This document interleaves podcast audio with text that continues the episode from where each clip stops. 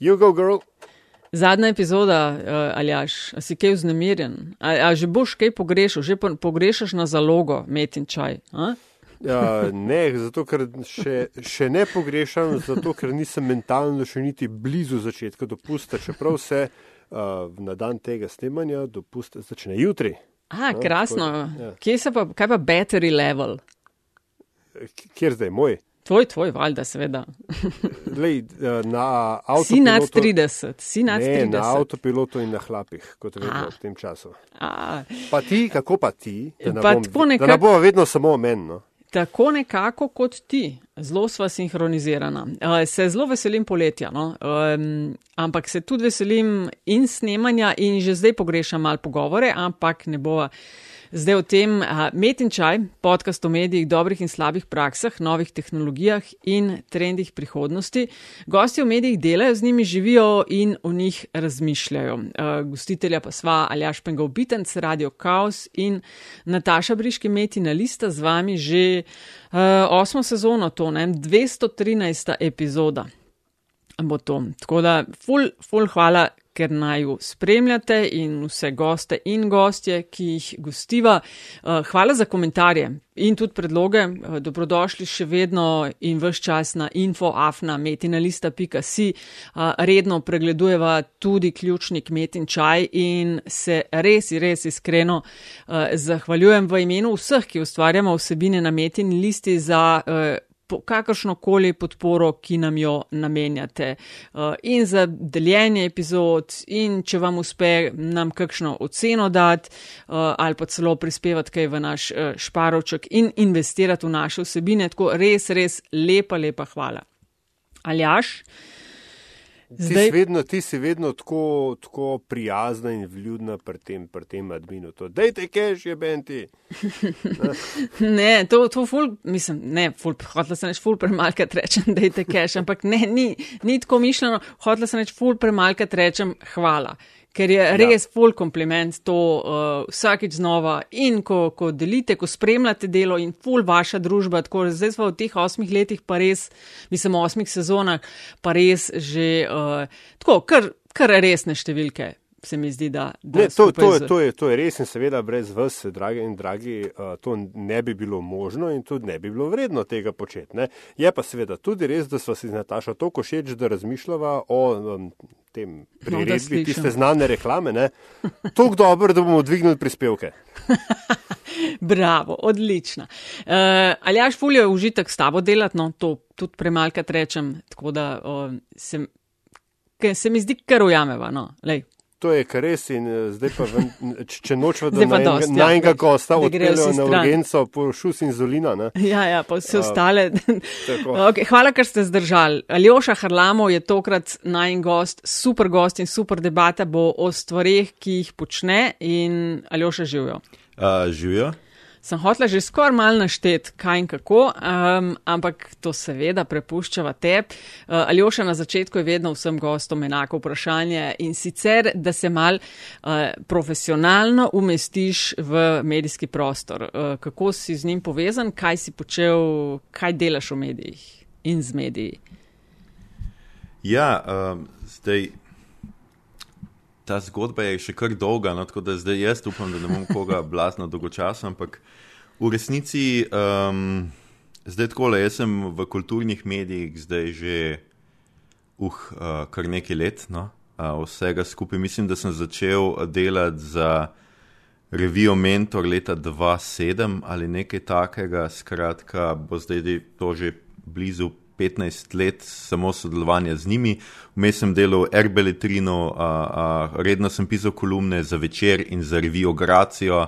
A, Vsake toliko časa, včasih sem bil uh, pisateljsko precej bolj, bolj pri, prisoten kot zadnja leta, zadnja leta namreč pač kot uh, najprej kot urednik Cankarjeve, potem pa kot glavni urednik Cankarjeve založbe se večinoma ukvarjam z uh, izdajanjem knjig oziroma z urejanjem knjig in to mi uh, zadnje čase vzame toliko časa, seveda, da, da je za drugega precej, precej manj, uh, vmes pa seveda nekako. Uh, zadnja tri leta, zdaj, zdaj smo ravno zaključili tretjo sezono, pa delamo uh, podcast, podcast obot, oziroma OBOD, uh, ker je kratica, ampak navadno rečemo obot, uh, ki je pa v resnici. Uh, Ne vem, uh, rad ga omenjam, rad govorim o njem, ampak v resnici ni to delo. No. Tuk, tukaj je, uh, mislim, da se tudi podcastu to pozna.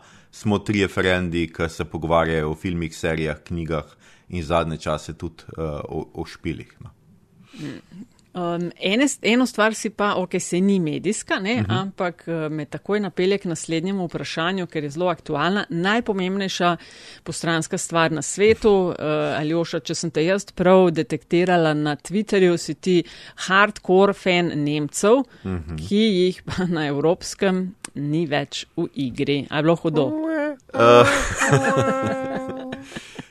pa ne vem, če je bilo to hudo, kaj pa jaz vem. Uh, v resnici bi včasih mogoče to doživljal mal bolj uh, hudo, zadnje leta sem se tudi že mal navadil, mal sem tudi pričakoval, ker sem ne na zadnje, zadnja tri leta že skušam nagnati leva, pa me noben ne posluša.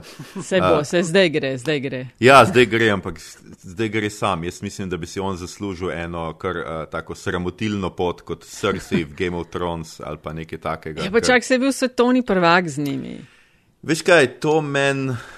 Ne pomeni, da Ne, je no. mislim, Dej, ne. ja, Kaj ti pa pomeni prvak, pol? super, ampak glej, zadnja tri leta je bilo več kot očitno, da je nekaj blazno narobe in ni nobeden nič naredil. In mene pač to čudi, kako v eni nogometni naciji, ki je tudi zelo kritična do svojih športnikov, kako se lahko zgodi, da skratka a, nihče ne a, urgira, k- ko reprezentanca, vem, tri leta igra tako zelo slabo, kot je igrala pod Joachimom Levom, s tem, da um, je to pač reprezentanca sestavljena iz odličnih posameznikov, uh, ki bi morali pač. Uh, Dosegati več, no, mo moralo bi to bilo pr biti precej, precej bolje, glede na to, da je osnova sestavljena iz Bajerna, iz Minhna, mojega najljubšega kluba in uh, skratka tistega kluba, na, za katerega najbolj navijam, in da ima trenutno, mislim, da enega najboljših igralcev na svetu. Levandovski, ja. Uh, ne sem Levandovski, mislim tudi seveda uh, uh, Kimiha. Jaz sem velik fan uh, Joshua Kimiha in tudi uh, vse tekme uh, nemške predstavnice gledam s Kimihovim dresom. O, a res? Ja, seveda. Čakaj, ni on med. Aj, sorry, Kaj, sorry. Ne, ne, ne, nadaljujte, gospa športna novinarka, kar nadaljujte. Čak, a nisem ujela, da ravno tega naj bi bil med tremi starejšimi, poleg Millerja pa še enega, ki jih bodo ven vrgali iz reprezentance. Mislim, vrgali, to se grdo sliši, pomladil bodo ekipo. Ali sem zamenjala za kom? Ja, verjetno si malo zamenjali. Ju- Uh, Joshua Kimih je zelo mlad, oziroma A, pa mlad, relativno zamenjala. mlad. Uh, ja, so pa drugi ostali, Miller in. Uh, Jaz tudi, sicer mislim, da bi, bi Miller uh, letos je mogoče zaslužil reprezentanco, ker je imel res zelo dobro, z, dobri dve zadnji sezoni v reprezentanci, ampak problem uh, Leva je seveda tudi ta, da uh, ti igralci ne igrajo na položajih, v katerih igrajo v klubu. Skratka, uh, Kimih je letos igral na desnem boku, kjer tudi sicer lahko igra, pa v Bayernu pogosto igra, ampak še bolj uporaben je on na sredini, ampak tam sta pač uh, žali bog. Uh, Tony Cross, uh, upokojenc. In, No, uh, se ta, ta gre, tega so omenjali. Ja, ta. ja, Tony Cross je za me eno veliko pač, razočaranje. No. Izvolite, gospod Aljaš. Ja, ne, hotel sem samo pripomniti, kako lahko seveda pričakujete, da, bo lov, da bojo lova skinuli, ne, če pa celo Angela Merkel gre takrat, ko ona hoče.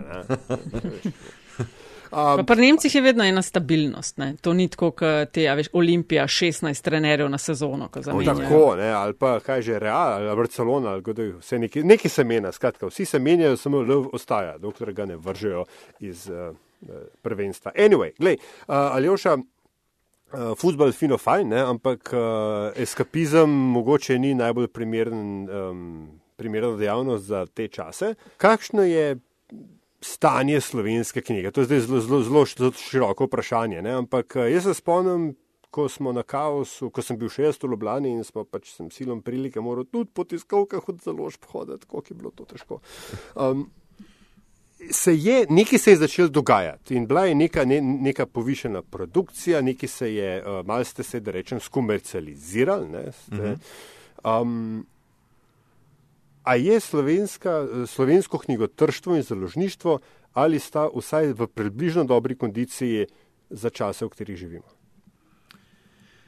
To je kar ja, kompleksno vprašanje, ki zahteva kompleksen odgovor. Um, tako je. No, uh, številke so zadnja leta šle počasi, zelo počasi gor na nek približek temu, kar smo imeli pred uh, zadnjo ekonomsko krizo.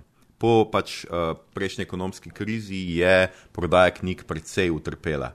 Um, in zadnje leta smo počasi lezli nekako gor, predvsem zaradi tega, ker se je povečala prodaja uh, izvirne literature, se pravi slovenskih avtorjev, k temu so seveda pripomogli uh, golobove kriminalke, Mojca Širok uh, in njene kriminalke, skratka uh, uspešnice ne na zadnje, ki so uh, prejele kresnika. Uh, tako da stvari so se pobirale, potem pa je ravno prišla pandemija. Zdaj pa je. Um, tako relativno dobro, slabo, grenko, sladko. Pač ne moramo se preveč pritoževati. Jaz mislim, da ta trenutek med pandemijo se je vendarle očitno povečalo zanimanje uh, za knjige, zdaj pa je samo vprašanje, kako dolgo bo to uh, pravzaprav uh, zdržalo in trajalo. Je pa seveda problem bilo to zaprtje knjigarn, ki ga absolutno z e-prodajo nismo mogli nadomestiti. Saj uh, ne gre samo za to, da Sloveniji kupci niso tako zelo navajeni spletnega nakupovanja še vedno ne iz nekega uh, razloga, ampak gre seveda tudi za neke dolgoročnejše ali pa neke globinske navade. Ne? Literatura oziroma knjige se navadno vendarle kupujejo tako, da jih najprej prelistaš, držiš v rokah, da jih vidiš in tako kot v vsakem drugem biznisu je zelo važno, da ti ljudi dobiš uh, v knjigarne. Zato, ker potem šele oni vidijo, kaj je vse zunaj, ker je slovenska produkcija kar precej nora in lahko pač le v knjigarnah ti kupca marsikdaj precej bolje, uh, konkretneje nagovoriš, uh, samo s tem, da so knjige tam, pa da jih vidiš, uh, kot pa da jih ti kakorkoli lahko nagovarjaš preko socialnih medijev uh, in tako naprej. Tako da jaz sem nekako. Uh, optimističen pesimist, pesimističen realist, kakorkoli pač uh, gledamo na to, jaz se bojim, da se bo ta uh, val zdaj nekega zanimanja za knjigo, ki se je generiral med uh, pandemijo, da se bo mogoče mal ustavil v naslednjih mesecih, če bomo seveda uh, zaživeli nekako normalno, ampak glede spet na neke napovedi uh, raznih teh delta variant in, in tako naprej. Uh, tudi to ni najbolj uh, zanesljivo, tako da uh, trenutno je prihodnost težko napovedovati. Preteklost pa absolutno je še zmeraj in tudi sedanjost je še zmeraj precej temna, še vedno polovica slovencev letno ne prebere niti ene knjige, kar je pač zares, uh, zares zaskrbljujoče. Ne samo za naš biznis, jaz mislim, no, ampak da, za tudi neko stanje družbe, v kateri živimo, in jaz mislim, da se to na celotni ravni družbe tudi zelo, zelo odraža. No, sej, prej, da ne bo kdo me zares vzel, kar se tiče tiskovk založb, ne, so enako zanimive ali pa enako dolgočasne kot katerakoli druga tiskovka, na katero je treba jeti.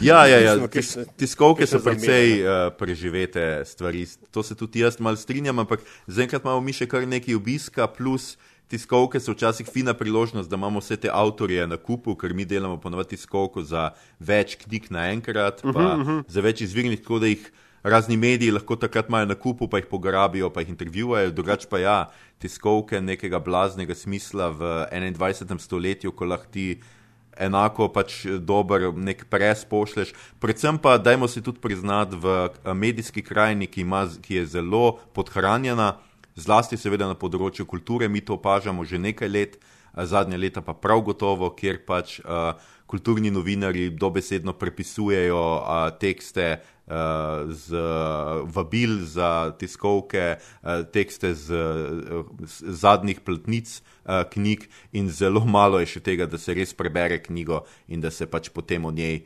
nekaj napiše. Ja, to, to, to je seveda res. Ne? Ampak, prosim, ta, če hotel sem sam, sam to uh, še pač nadaljevati, ne? ker si vendarle omenil, da je bil ta uspon, ki ste ga zaznali po, po finančni krizi, če sem prav razumel, tudi na krilih domače produkcije. Um, to se mi zdi pa tako overall dobra novica, ne? ker ko sem jaz, da se temu reče, zares vstopil v medijski trg. Ne? Je pač veljalo, da je slovenski avtor izda, če ima srečo, knjigo v nakladi 500 izvodov. Um, Ja, 500, mislim, naklada sicer sama posebej ne pove nič. Ja, na, natisne poprečen slovenski avtor 500 izvodov, ampak proda se jih poprečno rečva 200, 300, mogoče um, tam nekje. Ja, um, uredništvo, mislim, uredništva vseh založb smo že dolgo op- op- opozarjali na, na ta fenomen in da se bo to sleko prej zgodilo. Skratka, zanimanje za domače avtorje je seveda. Um, Logično nekako, no, ker se povečuje, vendar je tudi uh, splošno neko zanimanje za ne vem, slovenske izdelke, ali pa ne na zadnje, seveda slovenski avtori najbolje nagovorijo slovensko javnost v nekem sodobnem času, kadar so te knjige seveda sodobne uh, in zanimive uh, za, za branje. Hkrati pa se zadnje leta, mislim, da vendarle tudi povečuje neka profesionalnost, tako uh, v delu založb, kot v ne na zadnje delu avtorjev. Prihajajo nove generacije avtorjev, ki zelo uh, spremljajo tudi vem, trende na, v tujini, skušajo pisati nekako uh, v skladu s trendi, in predvsem uh, nove generacije avtorjev, ki se ne zapirajo v neko tako zelo v neko umetniško uh, govorico, ampak skušajo tudi nagovarjati neko recimo temu širšo javnost, pri tem seveda žanrska literatura, kriminalke in tako naprej zelo, zelo uh, pomagajo in mi smo tega veseli, ker ne na zadnje to nam seveda daje uh, pač največje veselje, jaz to lahko. Mislim, da govorim v imenu vseh slovenskih urednikov, pa zelo. Največje veselje je seveda izdati izvirno uh, slovensko knjigo, izvirno dobro uh, slovensko knjigo.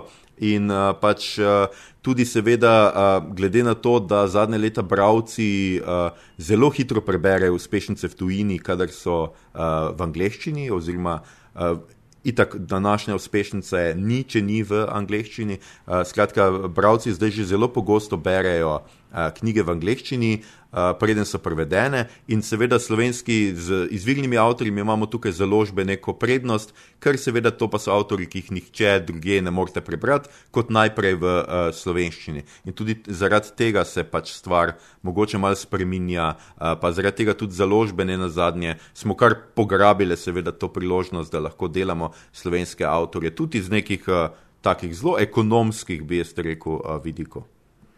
Aljoša, prej si omenil, da več kot ali pa polovica slovencev na leto ne prebere niti ene knjige. A se da to, če imaš podatke no pri sebi, malo v kontekst postaviti? A je, ne vem, pred desetimi leti bila situacija podobna ali je bil odstotek drugačen? Zdaj, koliko se jaz spomnim, podatkov sicer natančnih nima, predvsem pa spomnim pa se, ker sem se o tem dost pogovarjal tudi z Miho Kovačem, je nekako tako, da za vsako to raziskavo branja, ki se zdaj sledi na nekaj let, um, odstotek pade. Uh, v Aha. zadnjih nekaj, ne vem, desetih letih pa, so pa ti odstotki padli vsaj za deset odstotkov. Skratka, včasih ja, se je več bralo. Zdaj seveda tu je pač konkurenča drugih medijev, ne se ni samo um, kako ja. bi temu rekel, nezanimanje za knjige. Ne? Gre tudi za to, da je knjiga vedno bolj postaja eden izmed medijev v medijski krajini, eden izmed ponudnikov vsebine. Vemo, televizijske serije zadnja leta so zelo uh, uh, odškrljene, kar nekaj, recimo tudi uh, bralcev. In jaz mislim, da je tudi, seveda, posledica marsikatere marsi take spremembe. No. Ja, je pa, če sem te prav razumela, pa vseeno v tem COVID-nem letu, ko smo mal več ostali doma, se je pa dvignila branost, ne? se je mal to okrepil. Ja, mi smo seveda to bolj zaznali kot prodajo knjig. Glede na to, Aha. da je bilo vendarle v tistih mesecih, ko so bile knjigarne odprte, smo imeli kar precej rekordne številke um, ki so neprimerljive, ne, recimo v zadnjih letih. Seveda, more, težko popravijo vem, polletno zaprtje uh, knjigarn, ampak pač opazili smo, da je pač se pojavila neka želja, želja po knjigah. Jaz tudi moram priznati, da sem mal spremljal uh, družabna omrežja, da je tam zelo se spet okrepilo uh, pojavnost knjig uh, pa kulture.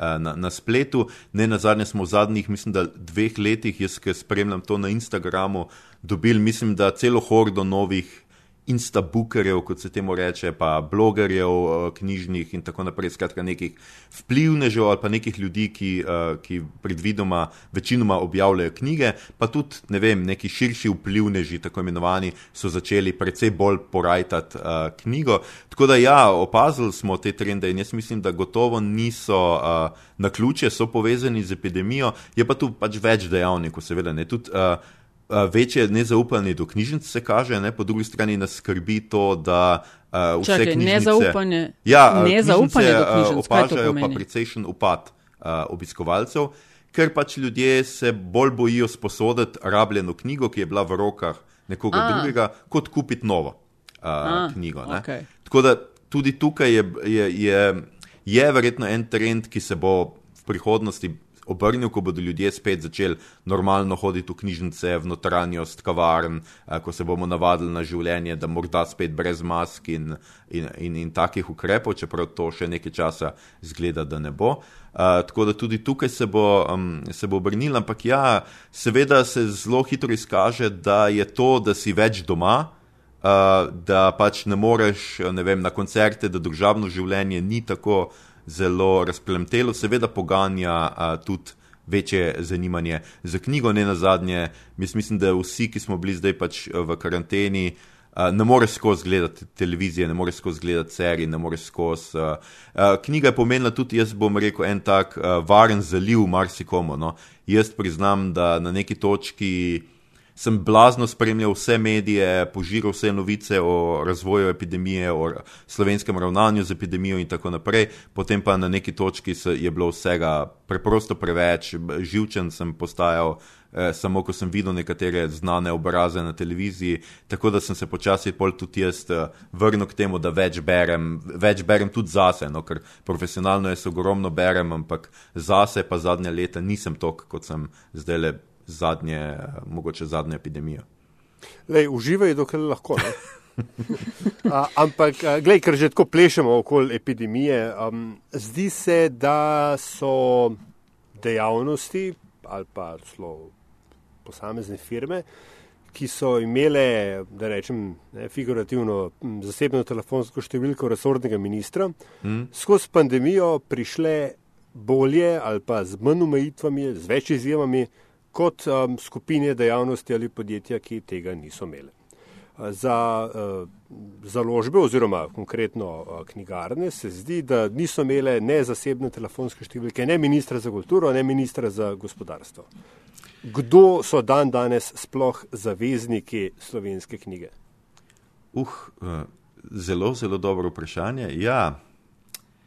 Takole, jaz bom pač kar odkrit, tako kot sem zmeri. Uh, jaz vem, da z naše, z naše strani, uh, mislim, z strani recimo založbe oziroma trgovine Mladinska knjiga, ker pač tle imam podatke, pa poznam ljudi, uh, je bilo kar nekaj klicev, ne samo uh, na kulturno ministrstvo, seveda tudi na gospodarsko uh, uh, ministrstvo, ampak nekega poštenega odgovora ali pa nekega, neke kakršne koli inicijative, ki bi se tam zgodila, ki bi želela pomagati knjigarnam ali pa založništvu, uh, preprosto ni bilo. In jaz, uh, mislim, nisem jaz tok nekega teoretika zarote, da bi zdaj govoril, ja, politiki rabijo neumne ljudi, nočejo, da ljudje berejo. To se mi zdi tako, mislim.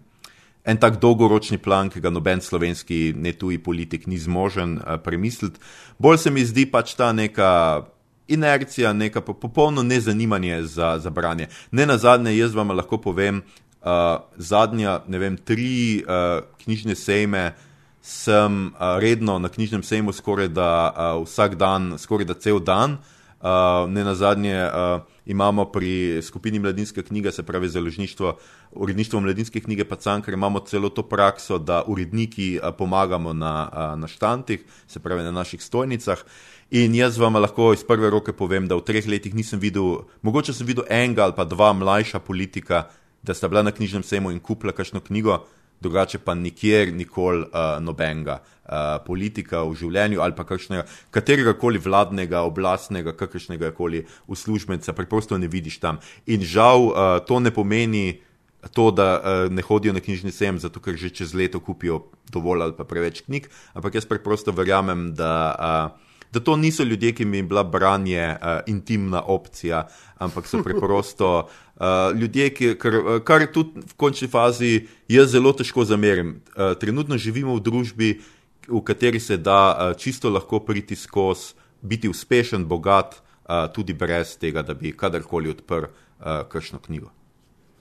Eno vprašanje mi je padlo na pamet, Aljoša, ko si omenjal, da je nova generacija pisateljev in pisateljic eh, že malo drugačna, da tudi, če sem te prav razumela, zajahajo trende in uh, mhm. delajo tudi v kakšni, ne vem, pop ali pa popularni smeri, ne, da ne gre preveč za zatikanja uh, v intelektualiziranju ali kaj si, kaj si uporabil besedo.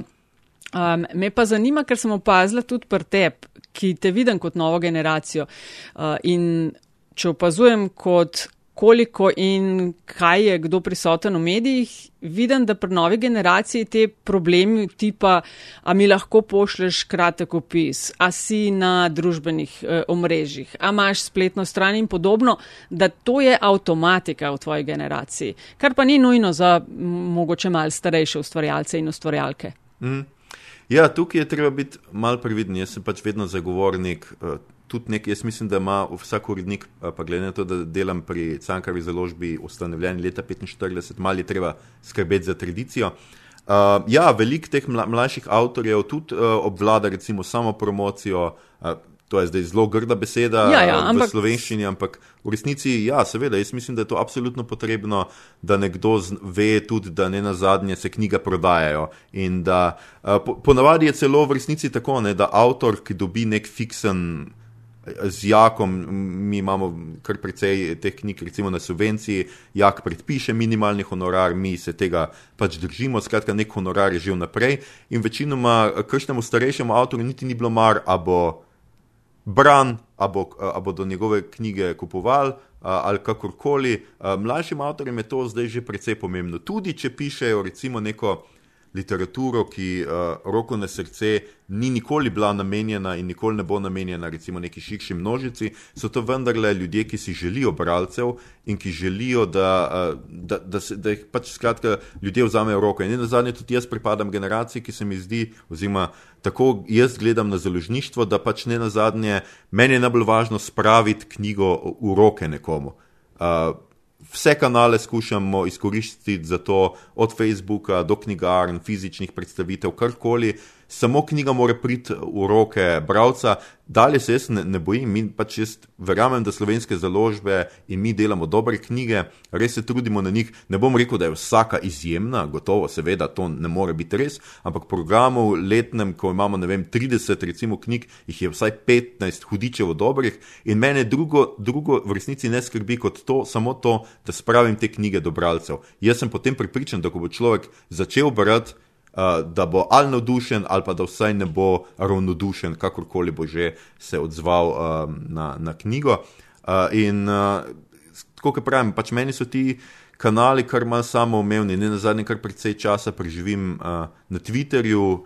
To je nek, nekaj tudi od pandemije pri meni povzročilo, da sem začel še pogosteje tvitati, predtem nisem bil tok, uh, tako pogosto. Uh, tam, mogoče malo tudi zaradi tega, ker sem začel vmes, pač ne pišem več toliko publicistično in zdaj Twitter nekako uporabljam za, za, za te reči. In um, fino je, da so nam te reči, komor so uh, uh, samoumevne. Uh, ne sme pa to biti nuja. No? Jaz se bojim malo pa tega.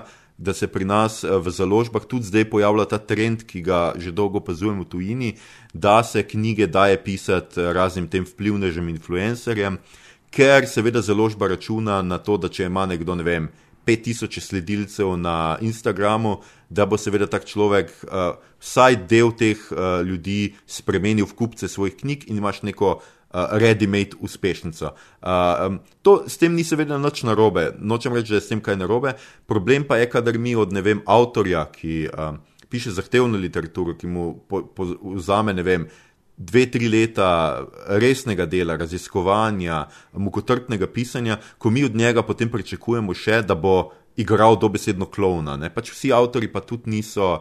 Um, Niso vešči tega, jih to tudi ne zanima, in jaz mislim, da je to tudi zelo, zelo legitimno uh, od vsakega avtorja, da pač se sam odloči, uh, do katere stopnje se bo promoviral, do katere stopnje želi sodelovati pri nekih marketinških aktivnostih in do katere stopnje se pač njemu to zdi uh, že malo uh, preveč.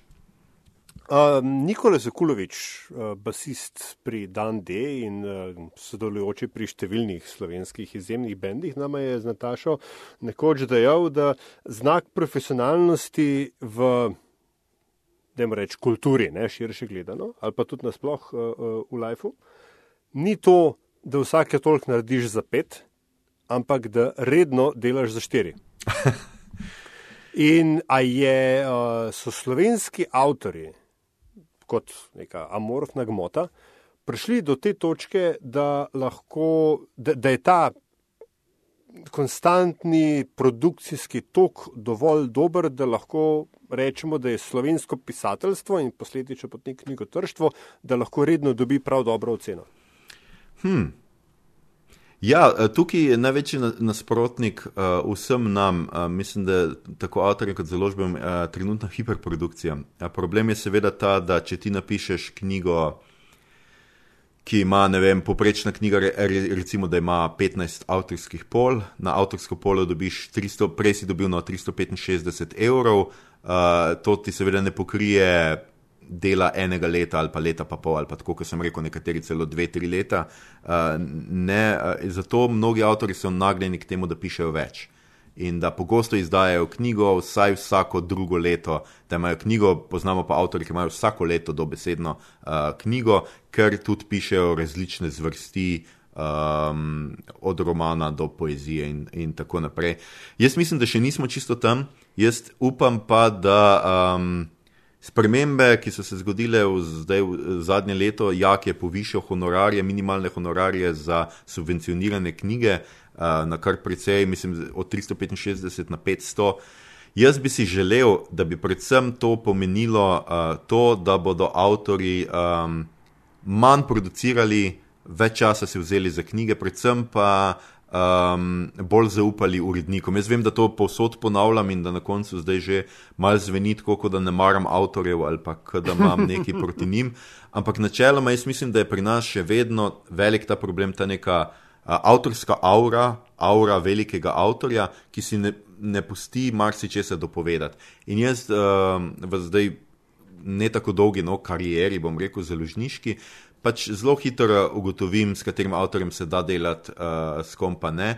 In um, mislim, se ni vedno tako, no, se včasih se tudi ne ujamemo, tudi osebne stvari so to. Je, delo na tekstu je seveda zelo taka. Uh, invazivna, bi jaz rekel, uh, strani urednika, neka invazivna dejavnost, ampak uh, načeloma pač jaz uh, z vsakim avtorjem delam, kakšno, lahko naredim kakšno knjigo, ampak če vidim, da se ne ujameva ali, ali pa predvsem, da. Uh, ne bom jaz rekel, da me mora sto odstotno upoštevati, ampak predvsem uh, si želimo, da avtorjem da, da tuhtajajo o tem, kar, kar jim povem. No? In pa da razmišljajo, uh, da sami uh, nekako uh, skušajo racionalizirati svoj uh, pisateljski proces. Jaz ne verjamem v muze, uh, kot urednik me muze ne zanimajo, ne, ne zanima me navdih, ne zanima me umetniška iskrica. To je Zato ti avtorja. ne maraš Ronalda, zdaj vem. Zato no. ti ne maraš Ronalda in si na teh delavcih Nemci. Tako, jaz sem delavc. Jaz verjamem, da je pač tudi pisanje delo, uh, ne od avtorja. Absolutno mislim, da avtor rabi to um, kreativno iskrico in da so avtori upravičeno včasih tudi malo čudaški, nenavadni, tudi naporni včasih. Dajmo se priznati, pač meni so določeni avtori včasih tudi, tudi precej naporni, ker delam z njimi. Ampak predvsem je važno, da jaz kot delavc, pač, da se oni ugotovijo, da jaz zastopam bravca. In da ne vem, če jaz rečem, da ta lik ni v redu izpisan, da je ta uh, žens, ženski lik stereotipen, da. Uh, uh, pač od te makrostrukture pa do tega, da rečem, da tu ni suspenza, da je ta prizor slabše napisan, da tu slogovno nekatere besede ne štimajo, da je treba menjati dialoge, da jih je treba malo popraviti. Bi si pač želel. Ja, neugoden si. želel bi si, no, da, da, da a veš, vsaj avtor, od avtorja želim premislek o teh temah in želim, da se postavi zase in da, uh, a veš, dostkrat je tudi tako, da jaz nimam prav jaz ne rečem, ni tako, jaz ne verjamem v to, da imam jaz vedno prav. Ampak tudi, ko nimam prav, to zahteva neko debato. In če meni avtor odgovori, pač jaz dobro vem, kaj sem počel, tle sem to pa to naredil, zato pa to. Jaz hočem videti neko um, logiko v njegovem tekstu uh, in še le pol. Uh, In to je, mislim, da neko plodno sodelovanje med avtorjem in urednikom. In žal uh, je kar nekaj avtorjev pri nas še vedno, ki um, eh, ne želi tako delati in tudi um, ne dovoli nekih, recimo, uh, bo, na svetov urednika. No. Dobro, dosto te del golobu. Um, Uh, ne, se, pač full disclosure, mislim, to je druga založba, drugi uredniki in tako dalje. Pa zdaj samo, zlo, samo zloben sem, dragi in dragi, samo zloben sem. Uh -huh. Mm, sem pa hotel ne ravno to uh, pripeljati v to dinamiko, ne, avtor, urednik, ker se, ko si omenil hiperprodukcijo, se včasih zdi, da bi marsikatera knjiga, sploh ki doživi um, premjero na knjižnem sejmu, mm. da bi koristil še kakšen mesec dni v karanteni. Uh, in da bi uh, še kdaj kaj ven, ven uh, da bi kaj ven iz nje leteli, pa da bi bil lektor še enkrat pogledal in tako dalje. A je tudi na uredniški strani opažaš ta problem hiperprodukcije, tole moramo zdaj le dati ven, ker tri pikce. Ja, ja, seveda, absolutno nisem mislil, da je, da, je, da je vse skupaj samo na strani avtorjev. Jaz recimo letno uredim približno 15-16 knjig, to je večkrat ena na mesec in v, v, med njimi so tudi, ne vem, 600 stranski prevodi, 500 stranske izvirne zgodovinske monografije in lahko si pač predstavljate, da, da to pač da nimam za vsako knjigo toliko časa, kot bi si želel, ali pa kot bi bilo uh, včasih tudi treba. Uh, epidemija, moram tudi uh, tako reči, no, tudi epidemija je marsikaj, seveda, po. Zakomplicirala, um, predvsej teže je bilo delati nadaljavo, recimo z avtori, pa tudi z tehničnimi uredniki in tako naprej. In kar nekaj napak se je letos, jaz moram pošteno priznati, prikradlo tudi v moje knjige nekaj, kar res, res, res sovražim in um, ker se imam drugače za precej natančnega, skrbnega uh, urednika. Uh, in ja, dosti je pa tega, seveda, ta hiperprodukcija, ki nas je v, v, vse nekako zadela. Če hočemo preživeti na tem trgu, moramo izdajati več knjig, kot jih včasih tudi uh, zmoremo, in to seveda ni ok. Včasih je pa tudi tako, ne, to je delo z ljudmi. In problem tukaj je zelo pogosto tudi ta, da kakorkoli se ti zmeniš, jaz se za nekatere knjige zmenim tudi nekaj let vnaprej, ne?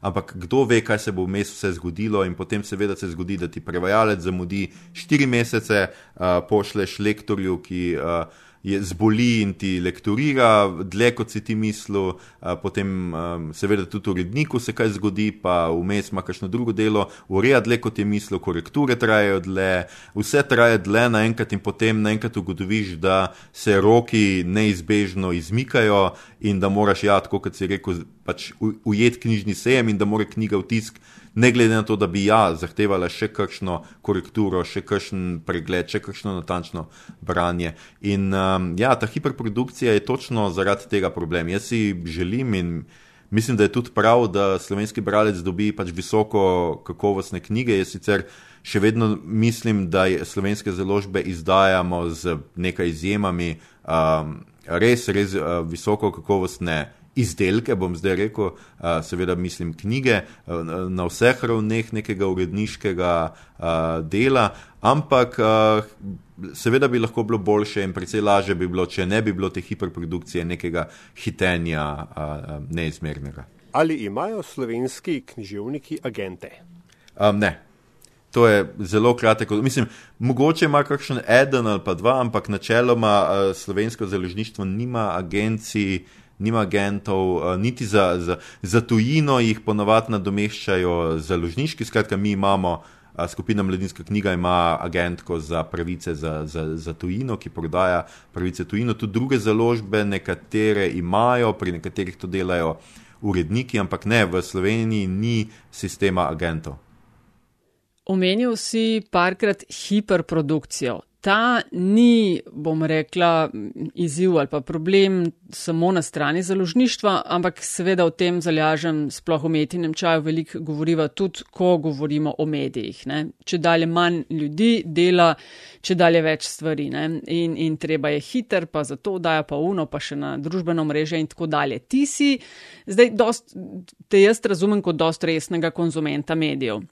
V enem drugem podkastu, ki ga sodelava z Aljažem, smo gostili četverico mladeničev in mladenk od 13 do 17 let in smo se mal pogovarjali o tem, katere medije konzumirajo. Pa smo nekako prišli do tega, da časopis je nekaj, kar je popolnoma irrelevantnega za njih, malo so na spletu, večina pa kakšen Instagram, pa TikTok.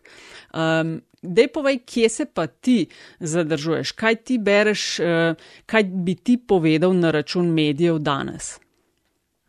Ja, jaz. Uh tudi jaz moram priznati, da zadnje leta premalo spremljam medije, ampak še vedno se seveda eh, trudim. Uh, vsekakor uh, v pisarni imamo naročeno delo, tako da vsako jutro vse mal prelistam delo, da se spoznam z nekimi stvarmi. Pogost sem gost MMC-a oziroma na RTV.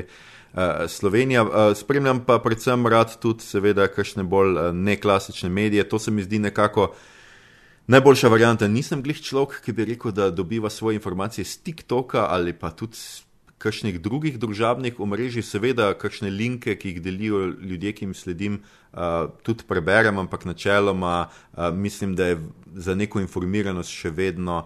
Treba spremljati, uh, kot sem rekel, neko mešanico klasičnih in novih medijev. Skratka, vsak dan, če sem le doma ob sedmih, gledam dnevnik na RTV Slovenija, uh, potem pa tudi kakšne te redne oddaje od Studia City do Tednika, do um, takih zadev spremljam uh, tudi necenzurirano, še veliko raje imam pod črto, ker se mi zdi, da je to moj način. Uh, Kako jaz rad berem, um, skratka, medijske vsebine, razdeljene, poglobljene, uh, neke malo večje reportaže.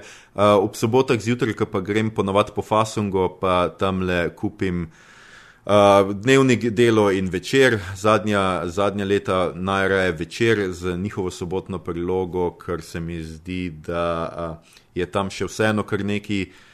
Tudi takih nekonvencionalnih vsebin, predvsem me pri medijih moti to, da se mi zdi, da recimo, čist konkretno, no, recimo v kakšni sobotni prilogi, vsako leto dobesedno, skoraj da v istem času bereš iste intervjuje z istimi ljudmi, ki govorijo bolj ali manj iste reči in to pač jaz nekako ne težko prenašam. Predvsem se mi zdi problem sodobnih medijev ne samo to, da so premalo poglobljeni, tudi seveda lasniška struktura, ki zelo vpliva na to, o čem lahko pišejo, pa o čem ne smejo. Veliko se pogovarjam z kolegi novinarji. Um, ampak tudi ta, da se v medijski prostor konstantno pušča ene in iste ljudi, medtem ko se nekatere potiska na obrobje ali pa se sploh ne, ne, ne tuhta v njih. Ne vem, jaz pač moram priznati, da. Um, da sem tudi velik uh, kritik nekaterih stvari. No. Uh, kot sem rekel, pogosto sicer spremljam naš uh, javni servis RTV Slovenija, ampak jaz moram priznati, da so samo še enega bavčarja v kršni vdaji oddaljeni od, od tega, da bom pač tudi jaz začel bojkotirati naročnino. Ne morem pač verjeti, kako lahko ti uh, za neko temo, ki, ki se točno dotika tega, zakaj je gospod sedel v zaporu uh, vseeno vabiš tega gospoda še vedno v mediji uh, in da razpravlja o točno tej temi. Pač, jaz mislim, da trenutno, tako kot si rekla, pač ja, problem je seveda hiperprodukcija v medijih, problem je to, da so zelo na udaru mediji, pa tudi pod današnjo oblastjo, ampak za marsikaj so se mediji krivi tudi sami. Uh, jaz recimo. Um, vedno mislim in še zdaj mislim, da je bila ta neko hitenje za tem, da, bo, da bodo tudi klasični mediji, recimo uh, časopisi, ujeli um, medije, ki se selijo na splet, skratka, da bodo prinašali enako nepoglobljene novice, enako pač skratka, skušali biti bolj seksi z nekimi fotografijami, uh, skušali biti, ne vem, veliko bolj vidki, uh, da je to jim prineslo samo, samo minus. Jaz sem v zadnjih letih uh, pač vmes že nehal obupal nad slovenskimi časopisi, tako kot ti eh, najstniki, o katerih si govorila, iz preprostega razloga, ker uh, tisti neki poglobljeni članki. Uh, Tega pač preprosto niti v sobotni prilogi, ki sem jo kot mulj, ko sem jaz odraščal v srednji šoli, uh, kot gimnazijec, mi smo brali sobotno prilogo, uh, ker je pač bilo to nek znak, skratka, nekega pa ja, nek statusni simbol nekega intelektualca v nekem malem mestu, ki si gre v soboto zjutraj uh, v trafiku kupiti delo, da prebere sobotno prilogo. No, tisti časi so minili in uh, marsikje, na marsikje, da ne bom zdaj samo govoril o delu in RTV-u, uh, marsikje. Um, so se standardi zelo, zelo spustili, uh, intervjuji, ki se pojavljajo noter, uh, tudi recimo nekatere stvari ne grejo čisto v, v, v korak s časom, bom celo jaz rekel, čeprav sem zelo mi gre na živce ta, ta ideja biti pra, na pravi strani zgodovine in tako naprej. Ampak se mi zdi, da. Um, lahko mi govorimo karkoli hočemo o woke kulturi, pa o cancel kulturi, pa lahko se norce delamo z milenicev in njihove, uh, njihove občutljivosti, ampak po drugi strani uh, spuščati še vedno seksiste, šoviniste. Um, Tudi fašiste v medije in jih pravzaprav poslušati, uh, kako razkladajo svoje stvari, ne da bi novinar postavil eno pot vprašanje. Pač Ti časi so minili in jaz tega nočem več brati in tega ne bom bral. Zato pač zdaj, kot sem rekel, včasih seveda kupim ja, delo, dnevnik in večer, včasih kupim sem enega od njih, včasih kakor kdaj, no, v, v, v soboto zjutraj, ko grem. Prelistam, zato grem, zato te, knjig, eh, te časopise v soboto kupujem v. Uh, večjih štacunah, uh, ker jih tam lahko v miru prilistam, drugače pa se zelo trudim podpirati uh, trafike in trafikantke, ker vem, da so večinoma na SP-jih zato ponavadi kupujem svoje časopise in svoje stripe in svoje revije na trafikah. Ampak soboto pa ravno zaradi tega, da najprej prilistam in vidim, kaj je sploh noter v teh prilogah, da potem lahko nekako zberem. Tako da Ja, eh, da ne bom predolg, no hočem sem to povedati, da um, spremljam medije, pa nisem zdaj nek resen, ne vem, medijski analitik, nikoli tudi nisem bil, se nisem imel za novinarje, nisem novinar, jaz sem večinoma pisal kolumne in uh, pač neke te publicistične stvari, ki so dokaj uh, zunaj tega novinarskega posla, zunaj vse novinarske etike, zunaj nekega premisleka v tem delu, ampak vseeno se mi pa zdi, da kot nek intelektualec, ko spremljam medijsko krajino in ko vidim, da me nekdo skuša pravzaprav nekako narediti bolj neumnega, kot sem, pač mene to moti. No? In jaz mislim, da uh, dost ljudi, ne da bi se zavedali, uh, mogoče tudi kdaj. Uh, to danes v današnji medijski krajini moti. Neko nepoglobljenost, neko novinarska, pravzaprav neka ležernost, v kateri pač ti lahko uh, gostiš ene in iste ljudi, pa jih ne postaviš nobeno pod vprašanje, čeprav ti več kot očitno lažejo v, v oddajah. Jaz mislim, da, me, da so današnji mediji tudi zelo, zelo krivi za to, za razmah. Nestrpnosti, laži, uh, lažnih novic in tako naprej, ki bi jih zdaj vsi radi pripisali Twitterjem in Facebookom in tako naprej, ampak tudi mediji so uh, številne te prakse s Twitterjem, številne te monološke oblike uh, podajanja neke zgodbe, nepreverjanja dejstev, ne postavljanja pod vprašanj, jasno sprejeli v svoj modus operandi in jaz mislim, da to vsekakor ni ok. Aljoša, pravi si se, k Nemc na ta odgovor. Uh, in vendar ne, so to karte, s katerimi igramo. Veš, uh, klej ni zdaj, da bi mi rekel, ok, vse to je zdaj za nič, uh, uh -huh. stran pa demo karte na novo razdeliti. To se mi zdi, seveda se strinjam z, z, z vsem tem, kar si rekel, ampak uh, uh, najhujše pri cele zgodbi je to, to, da če ne bomo mi ne, spremenili tega tu in zdaj, potem se te stvari ne bodo spremenile. Ne? Ja, sej. Uh... Problem tukaj je vedno tako uh, večplasten. Ne? Danes kritizirati medije je nevarno, uh, mislim, nevarno. Jaz mislim, da z tega vidika, ker seveda trenutna oblast bo to izkoristila, da, da upelje svojo naracijo, ki je naracija uravnoteževanja, naracija neke, nekega. Uh, nadzora nad mediji, ki seveda ni ok. Jaz bolj mislim to, da bi bilo treba takrat, ko Da je seveda zato kriva tudi leva oblast, ker predtem je, je, je absolutno premalo naredila, da bi ja, se ja, to, to, točno, okrepilo. Točno to, ja. Pač. Ja, ker, veš, enako je pri nas v kulturi. Uh, jaz moram reči, da trenutno pač. Jaz trenutno s sedanjim kulturnim ministrom nimam nobenega odnosa, tudi z trenutnim direktorjem Jaka. Mi smo s prejšnjo direktorico redno hodili na neko kosilo, na neke srečanje, se srečevali, imeli poslovne sestanke s novega direktorja Jaka, recimo niti videl nisem prejšnjega, sploh ne vem, kako zgleda, ker niti se ga pogooglati človeka ni dalo.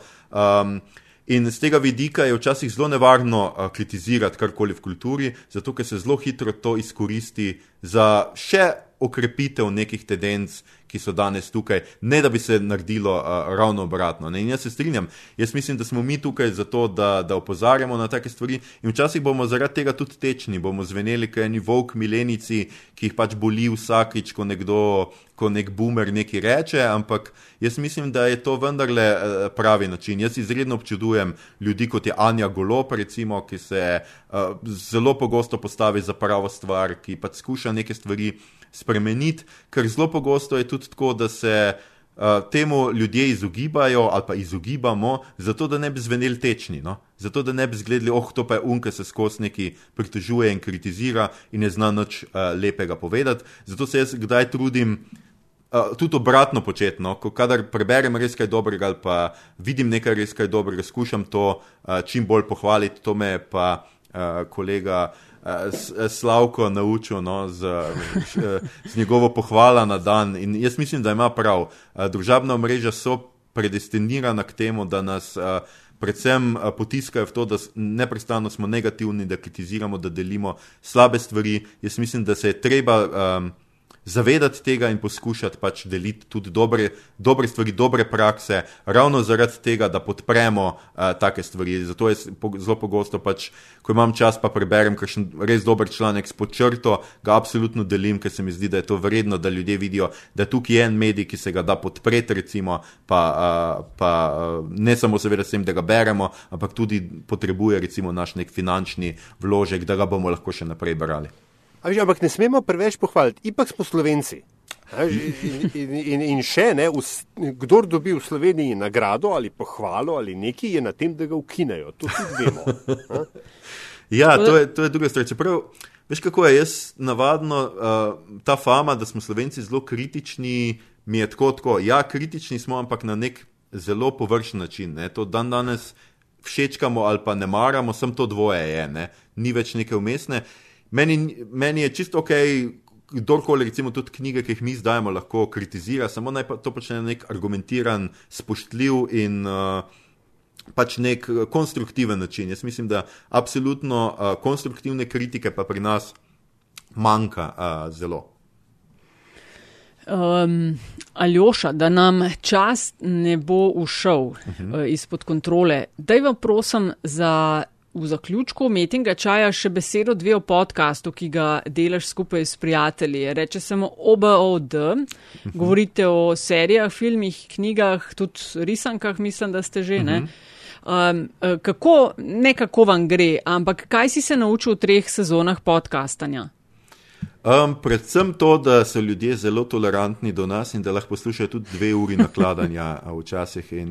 Glej, Jaz bom rekel tako, jaz, uh, to se zmeraj malo šalimo iz tega, ampak je res. Jaz, ko smo se mi to odločili, da bomo delali podcast, jaz si nisem predstavljal, da bomo mi to delali tri leta ali pa da bomo na, na, na, naredili, zdaj le bomo imeli čez poletje stoto epizodo. Recimo. Tega si absolutno nisem mislil, da bo to tako dolgo trajalo, ker je bil en tak zabaven, fin projekt z dvema frendoma in pač jaz nisem dolgoročno nič tuhtal o tem. In predvsem me je to naučilo, da, um, da včasih. Uh, Da ljudje pač pogrešajo malo tudi tega nekega uh, klepeta, um, neke, bom rekel, nekega sproščenega tuhtanja o teh temah. No? Jaz imam zelo rad poslušam podcaste, tudi sam zadnje leta oziroma imam sezone, ko jih bolj, pa jih za nazaj zelo poslušam, se tudi met in čaj poslušam, ko ima takšnega zanimivega gosta, ki me zanima. Ampak načeloma jaz poslušam te stvari jeseni in po zimi, ker takrat hodim peš v službo mm -hmm. in poslušam na slušalkah, drugače pa se vozim s kolesom in zdaj po novem ne smeš na kolesu poslušati uh, reči. A res, te ne smeš več to imeti? Ne, ne vem, res ne vem. Ja, nisem vedela, ne, ja, ne smeš slušati. Ne, ker tega ne poslušam nikoli na, na kolesu ali pa, ko grem laufat, to nikoli ne poslušam. Aha, Aha, ja, ne smeš imeti slušalk. Na, na kolesu ne smeš imeti slušalk. Avtoritarna oblast. Ja, to, to mi je mal uh, porušilo te, te moje načrte, ampak ja, predvsem sem se naučil, da ljudje, uh, da jih zanimajo, recimo, da nas ni toliko mal, ki nas zanimajo take bolj gikovske, piflarske, uh, uh, zelo oboževalske stvari, da je veliko tudi pri nas veliko tega polja. Ljudi, ki ga gledajo. Ja. Ja, ja, ja. Sej zato so podcasti fajn. A imaš kakšno priporočilo za kakšnega tujega? Veš kaj, jaz uh, večinoma od tujega zdaj le. Poslušam bolj uh, literarne, ne toliko uh, žanrskega. Jaz imam nareje Guardianov Book Club, to je pač moja najljubša, najljubši podcast ta trenutek. Sem pa ga zadnje čase mal nehal poslušati zaradi tega, ker sem gotovo, da imam preveč potem angloameriških uh, stvari v svojem programu Cankareve založbe in se trudim to mal, mal zaeziti. Sem pa zadnje čase recimo zelo se navdušil nad seksodromom. Uh, ki je tudi ena Znam. taka, ja, zanimiva stvar. No, jaz priznam, da, da nisem verjel, recimo to pa mene malo presenetilo o slovencih, da znamo biti slovenci, oziroma večinoma zdaj so bile slovenke, no, to kot kriti v pogovoru o, o spolnosti. No. To tle pa smo precej bolj zadrti, kot v kakšni kritiki bi jaz rekel. A, ampak vendarle, ne, obodovci uh, delate, kar se meni tiče božje delo, tudi v, v dolžini, ker ste mi že več kot enkrat popestrili vožnjo iz Luksemburga v Slovenijo ali nazaj. Uh, sploh cenim tisto epizodo s Seanom Conneryjem. Uh, Um, ampak uh, me pa seveda zdaj zanima, pa ta hip se ne more spomniti, kdo od vas treh ne, se spoznava z Star Trek The Next Generation, ampak kako ta projekt poteka? to sem jaz, ja. A si ti, si ti, se mi je zdel, pa nisem hotel, nisem upal tega. Ja, ja, zdaj sem ga pogledal, sem ga, mislim, da v dveh mesecih sem pogledal Star Trek The Next Generation, vse serije, zdaj pa gledam še filme, mislim, da še mi manjkajo trije.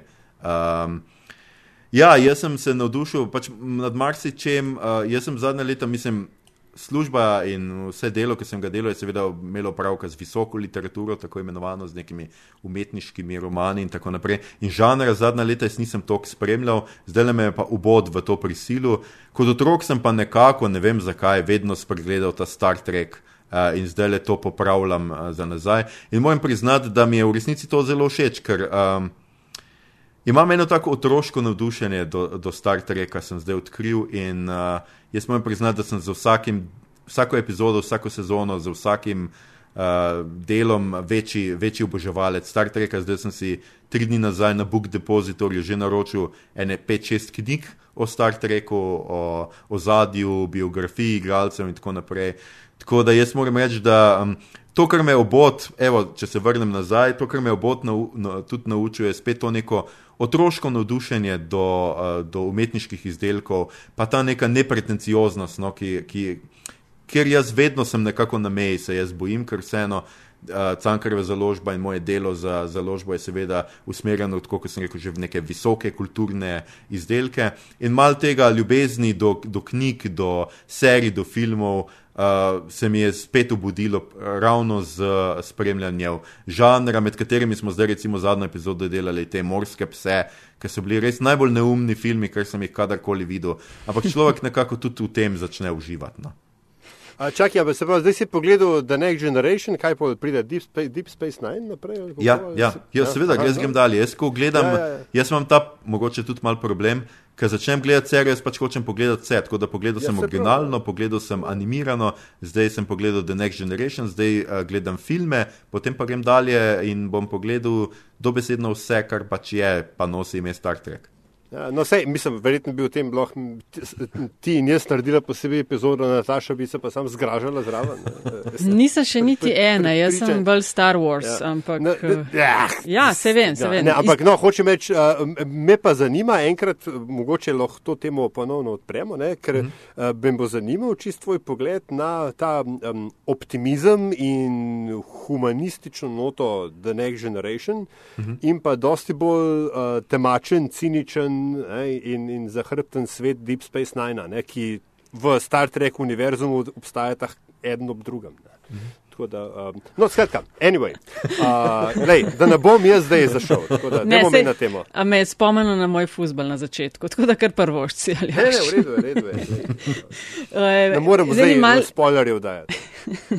Mal stereotipično, preden gremo Aljoša na zanimivost. Stereotipično -huh. zato, ker se mi zdi, da se vsako poletje, no, kaj boste pa brali med poletjem, -huh. nekako tako, kot se vsakega marca, o, da ima o ženskah, pa ženske, ki vozijo tovornjake, ženske, ki ne vem kaj. Vse, ne. Um, vsem povejno, s katerimi knjigami, če zate pomeni poletje, tako kot če gre sklepati iz poplave člankov čez poletje v knjigah, a je to tudi zate čas, ko mogoče kakšno več prebereš ali ravno nasprotno si vzameš dopust od tega?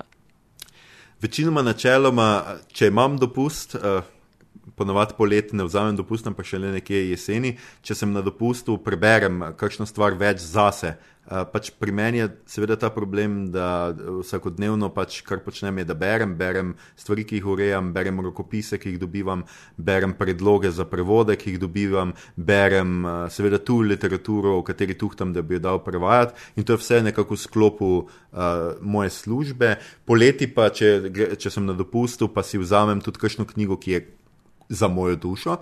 Ampak navadno um, to niso ja, neke te lahkotne uspešnice, čeprav preberem tudi kakšen, uh, kakšen krimič, kdaj je poleta, pa kakšen uh, fantazijsko postolovščino. Letos recimo bom bral Vojno in mir, to je pač nekaj, kar sem si. Uh, gre za eno mojih najljubših romanov, no, skratka, in letos je doživel nov prevod, uh, Lijane Dejak, in se ga jaz že zelo, uh, zelo veselim. Um, da se bom te knjige končno lotil. Uh, imam pa še kar nekaj starih grehov no, za, za, za popraviti, še kar nekaj. Uh, Free Body Problem še moram, še moram do konca prebrati, uh, pa potem nadaljevati z, z to trilogijo. Um, tuhtam tudi, da, da, da, da preberem še. Trenutno sem uh, v tej fazi, da kot glavni urednik Cankareve založbe se mi zdi grozljivo, da ne bi imel prebranih vseh modernih klasikov, tako da sem se letos lotil branja modernih klasikov od prve številke. Um, tako da zdaj počasi napredujem in sem na številki uh, 21. Pa, uh, koliko ur ima tvoj dan? Moj dan ima uh, zelo enako ur kot v, v vseh vas, sem da včasih malo manj spim tu in tam. No. To, to mislim, da je tako. Ali pa delam dve, tri stvari uh, naenkrat. Kakšno, zdaj, te recimo za, za bod, ko smo delali te morske pse, sem zraven še pisal en članek, ker pač ti filmi niso bili ravno, niso terjali neke moje blazne. Eh, zbranosti. Uh, da, ja. Se pa to tudi doskrat eh, vprašam, ker ponavadi dopust zamem že popolnoma izčrpan, kar tudi ni uh, najboljša praksa. Jaz se zelo, zelo trudim znebiti te ideje, da je uh, sodobne, uh, dober sodobnik, uh, samo tisti, ki se neprestano pritožuje, koliko ima dela. To se pač trudim. Ne. Prejšnji teden sem imel dopust in sem uh, zelo, zelo užival, ker nisem počel kaj dosti drugega, ker sem igral Hearthstone in skratka bulil te filme o morskih psih. Ej, um, ko si že omenil moderne klasike in ostale zbirke, ne, ki mhm. so, um, imajo kar pomembno mesto v tem uh, slovenskem, malo meščanskem panoptikonu, ne, uh -huh. uh, ki jih ljudje, ali, ali ljudje še vedno kupujejo knjige na metre. Um, ba jaz se še najde kdo. Sem še slišal zadnjič ravno nekdo mi je uh, v konzorciju, sem se pogovarjal s prodajalci in nekdo mislim, da omenil neko gospo, ki je spet prišla kupiti neko, da bi imela neko zbirko, ki bi lepo izgledala na, na uh, pač policiji. Ampak načeloma se je ta praksa, žal, bom rekel, uh, uh, čeprav seveda ni to tudi ni dobra praksa, ampak uh, žal se je izgubila, zato ker uh, knjige niso, nimajo več tega statusnega simbola, kot so ga imeli včasih. Čeprav so se, tako kot smo se prej pogovarjali, med pandemijo se je to mal vrnil. Marsikdo, ki se je dan danes javljal iz, od doma. V razne te televizijske oddaje, in tako naprej, je seveda svoj stol postavil pred knjižno polico, da, je, da, se, da so videli, kako bogato uh, knjižnico ima. In meni se to zdi, uh, ne na zadnje, čist lepo. Ja. Sto romanov, ki veš, ko si v 80-ih, mm -hmm. ko si prišel na obisk in si, in si šel pogledat, a vi imate pa vse sto romanov. Anyway, gledaj, čisto kot, kot vinjeta. Evo. Ja, jaz drugače to redno počnem. Tako da ljudje, ki me spuščajo v svoje stanovanja, to zelo dobro vejo. Da je prva stvar, ki jo grem pogledat, so knjižne police in preverim, kaj imajo ljudje gor, da vidim, če še bom kdaj prišel na obisk ali ne. še, in to še poveš, še preden smo pri zanimivosti. Aljoša, to je standardna rubrika. Podcasta Met in Čaj in sicer, da gost z nami deli um, kakšno zanimivost, anegdoto, zgodbo, lahko priporočilo, lahko je povezano z tvojim profesionalnim delom, lahko s tabo zasebno, lahko pa kaj povsem X. Tako da uh, izvoli na vrsti. Ja, uh, ni ravno anekdota, bom pa to, mislim, da sem to sicer nekje že, že povedal, ampak jaz sem imel dve uh, zelo, um, dva načina, kako se je kazal nek moj OCD ali kakorkoli pa že, in oba sta bila povezana s knjigami. Uh, prva stvar je bila to, da uh, sem imel še do, do tistega trenutka, ko sem uh, žiriral za kresnika, sem imel to manijo, ali ne vem kako to imenovati, da sem vsako knjigo, kjer sem prebral nekaj strani, moral prebrati do konca. To je včasih pomenilo tudi to, da če sem recimo nekje, kaj pa vem, v čakalnici pri zdravniku vzel knjigo v roke, pa ne vem, v tistih 15 minutah prebral vem, 15 strani ali pa 20, da je to pač pomenilo pol, da sem jo moral poiskati to knjigo v knjižnici uh, in jo pač prebrati do konca. In uh, tega sem se znebil tisti trenutek, ko sem uh, delal kresnika. Ko sem bil v žiri za klesnika, kjer sem seveda tudi knjiga, ki, ki je bila po 20 straneh, že povsem jasno, da pač to ni material za kresnika, sem jo prebral do konca in tam se mi je skoraj da zmešalo, ker sem eh, v tistem letu pač res prebral od tam ene 80-90 eh, romanov, od tega jih je bilo 90 odstotkov zelo, zelo, zelo za nič. Um, to, uh, druga stvar, ki pa sem imel tudi eno tako, je pa ta, da zelo ne prenesem tega, da nekdo v bližini mene bere, pa jaz ne vem, kaj bere.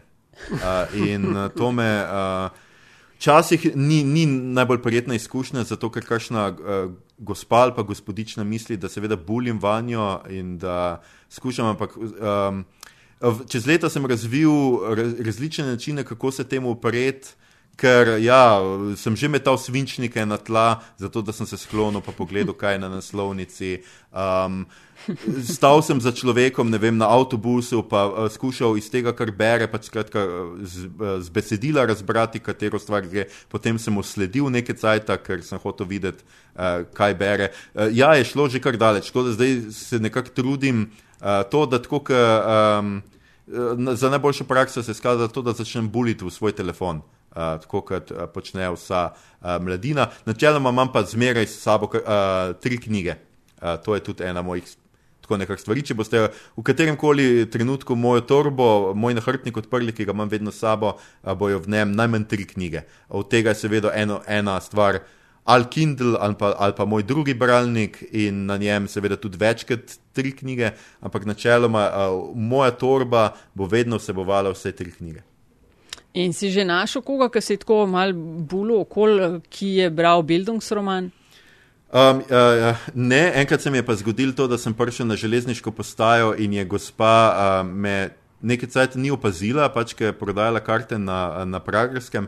In potem sem videl, da bere mojo kolumno v Graciji in sem bil fulp ponosen na sebe in sem se še tako postavil pred njo in pač odkrkal in pač hotel karto. In mi je meni nič tebi pač prodala karto in dalje brala pač mojo kolumno, ne da bi me dvakrat pogledala, čeprav je pač na kolumni moja slika zraven.